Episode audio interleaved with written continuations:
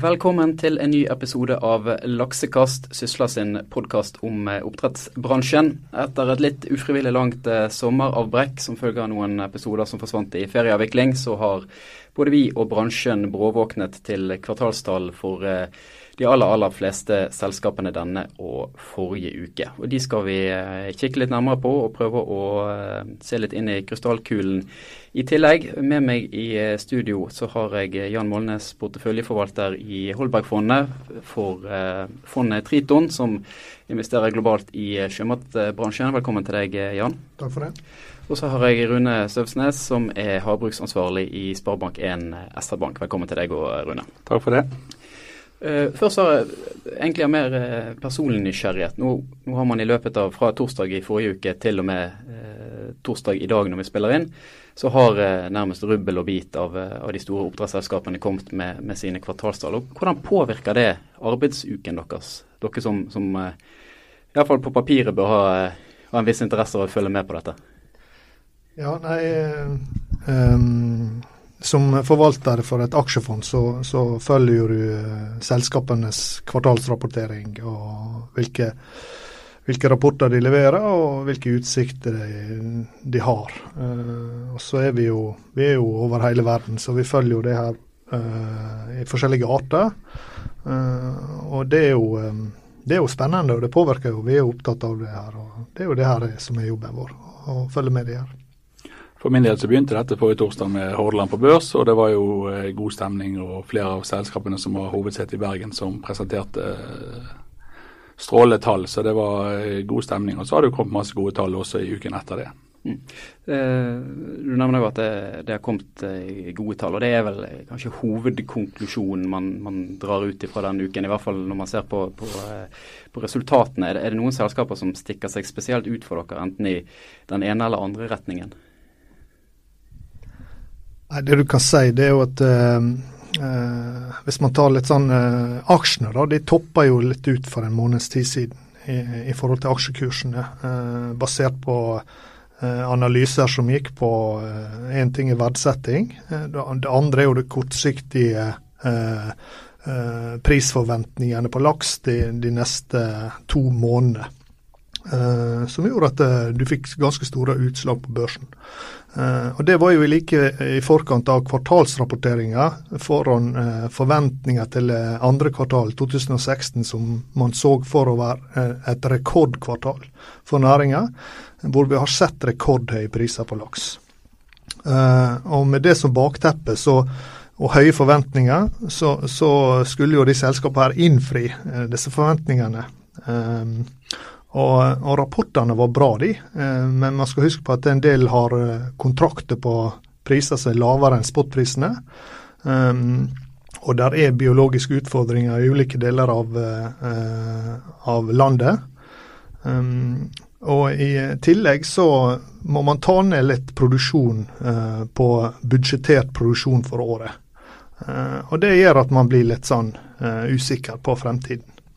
Så, så man eh, kan si at det er i større grad et tilfelle av å oppfylle forventninger, heller at si, man blir ekstremt positivt overrasket over at tallene er såpass gode som, som de er.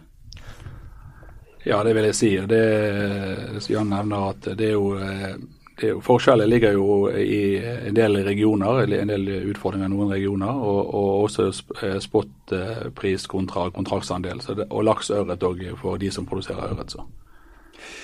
Det som jeg eh, eh, syns var, var, interessant i uken som har gått, og som man senest så i, i dag når SalMar la fram sine resultater, er at til tross for disse gode resultatene, så, så faller aksjene ganske kort tid etter eh, resultatene er lagt fram. For, for en, eh, en stakkars samfunnsviter som meg, så, så, så, tror jeg i min eh, sikkert naivitet at gode resultat medfører at aksjekursene styrker seg. Men hvilke mekanismer er det som, som har slått inn eh, eh, nå?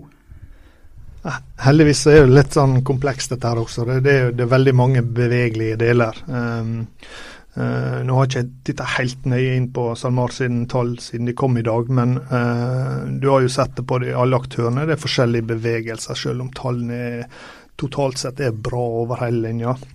Noen fordi de har oppnådd høye spotpriser, og noen fordi de har gode kostnader. Eh, men her er jo forskjellige aksjonærer her. Og her er sikkert en rekke aksjonærer som har kommet inn i forventninger om de lakseprisene du så i første halvår. Og da kan man lett bli påvirka av det med forskjellige uttalelser hos analytikere skal vi heller ikke glemme at sjømatindeksen på Oslo Børs har gått 60 de siste tolv måneder. Og når man nå guider noe lavere volum, noe lavere priser, noe høyere kostnader, så er det kanskje naturlig at det er en, en del som velger å ta gevinster.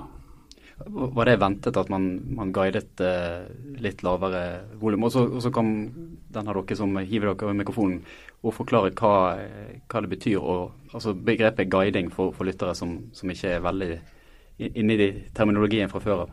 Ja, altså De fleste selskap som er børsnotert, de har jo en sånn uh, en, uh, De antar hvor mye de skal produsere det neste året. Uh, og hva de skal klare å, i løpet av året.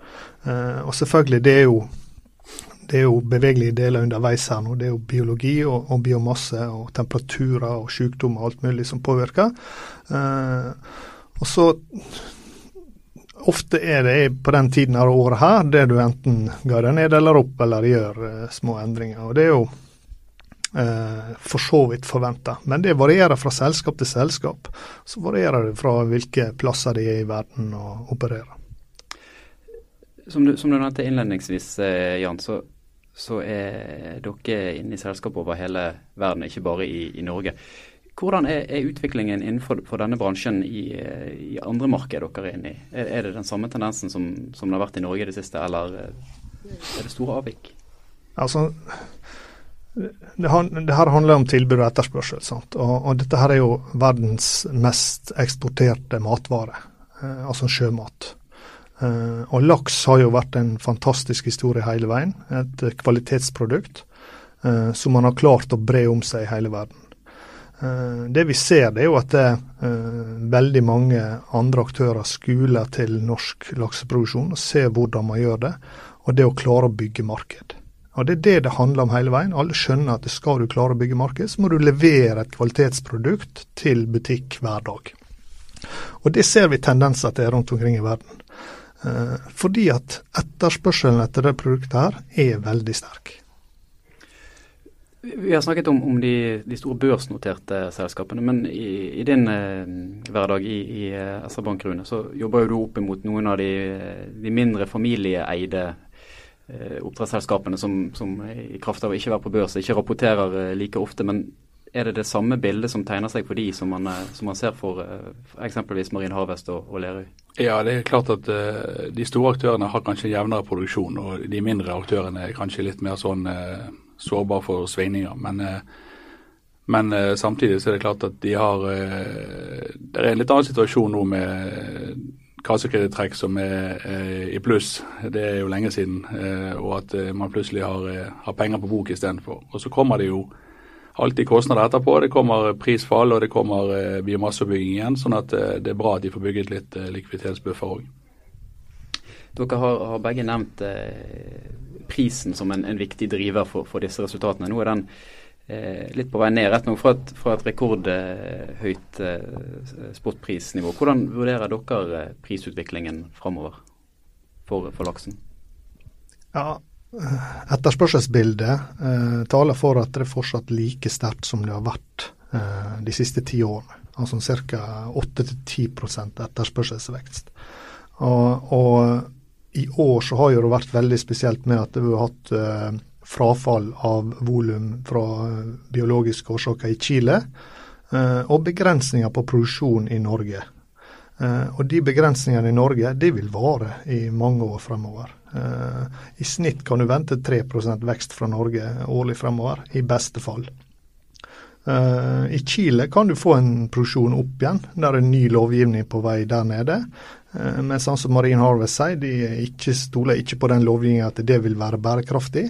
Så da kan du få en sånn boom and bust igjen på den chilenske produksjonen. Men det, det vet vi jo ikke. Og nå skal jo de eh, få orden på den eh, problemet de har hatt.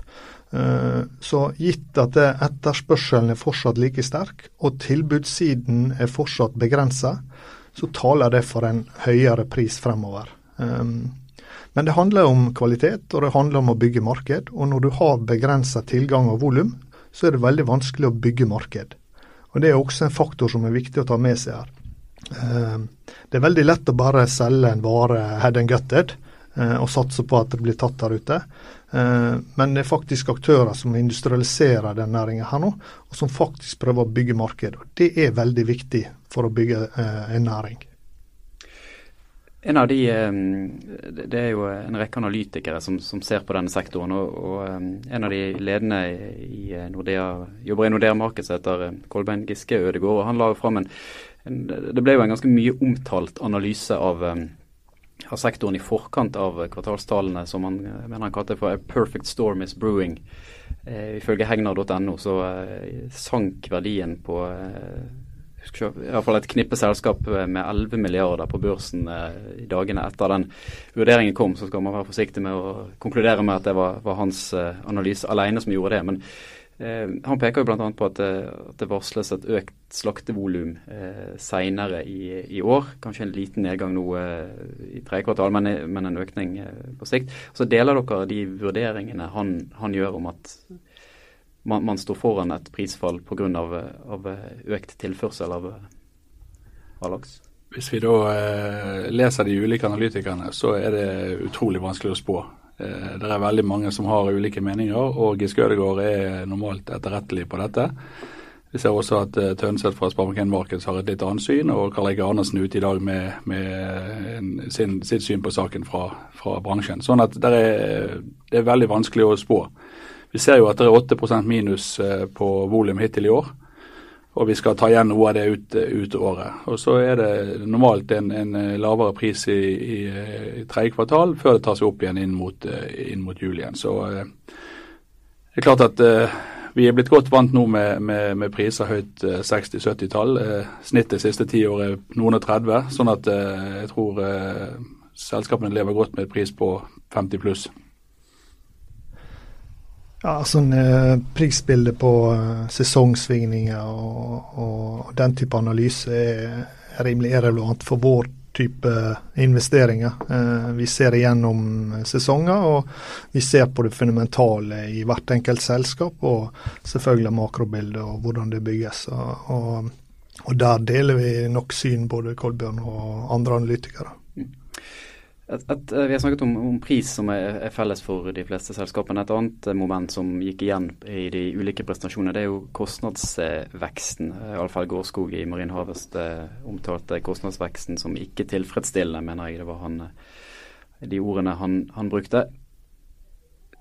Du jobber jo i en, en bank som har opplevd kostnadsvekst i oljesektoren, mm. eh, og, og flere andre har jo det siste halvåret vi begynte å dra litt forsiktige paralleller mellom de to bransjene. Altså, med de eh, erfaringene som eh, dere gjør dere primært i Stavanger-regionen, uroer det kostnadsveksten deg?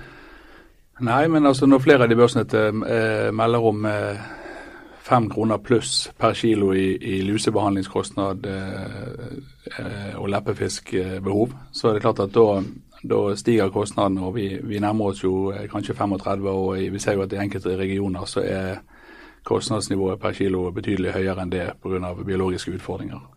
Sånn at, eh, men jeg tror aktørene er smertelig klar over det. Men det vedvarer det høye prisbildet over lang tid, så er det jo selvfølgelig lett å, å miste fokus på, på, kostnadene. Men eh, ja. Ja, nei, det, det, er veldig viktig å ha fokus på, på kostnader og driften her nå. Det, det, så kommer prisene av seg sjøl hvis du leverer et kvalitetsprodukt.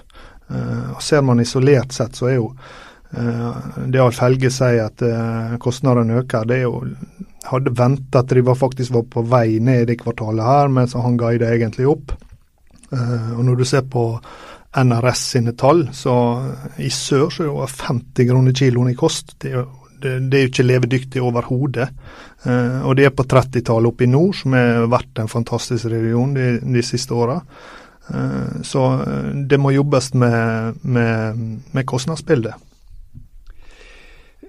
Er det mulig å, eh, Hvis man skulle kikket enda litt mer fram inn i krystallkulen, er det mulig å peke på noen trender eller utviklingstrekk dere tror vil prege resten av, eh, av 2016?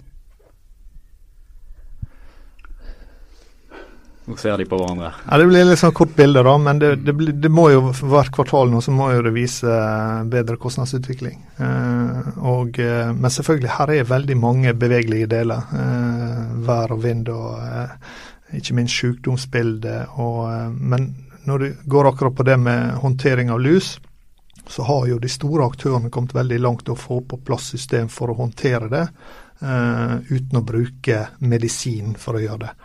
Og, eh, og selvfølgelig kostnadene baller jo litt på seg underveis her også, i og med du har en, en biomasse som du fôrer underveis her nå. Og, og du, får, du, har dødelighet, og du har uh, at fisken ikke spiser etter behandling, og sånne ting som påvirker veksttakten.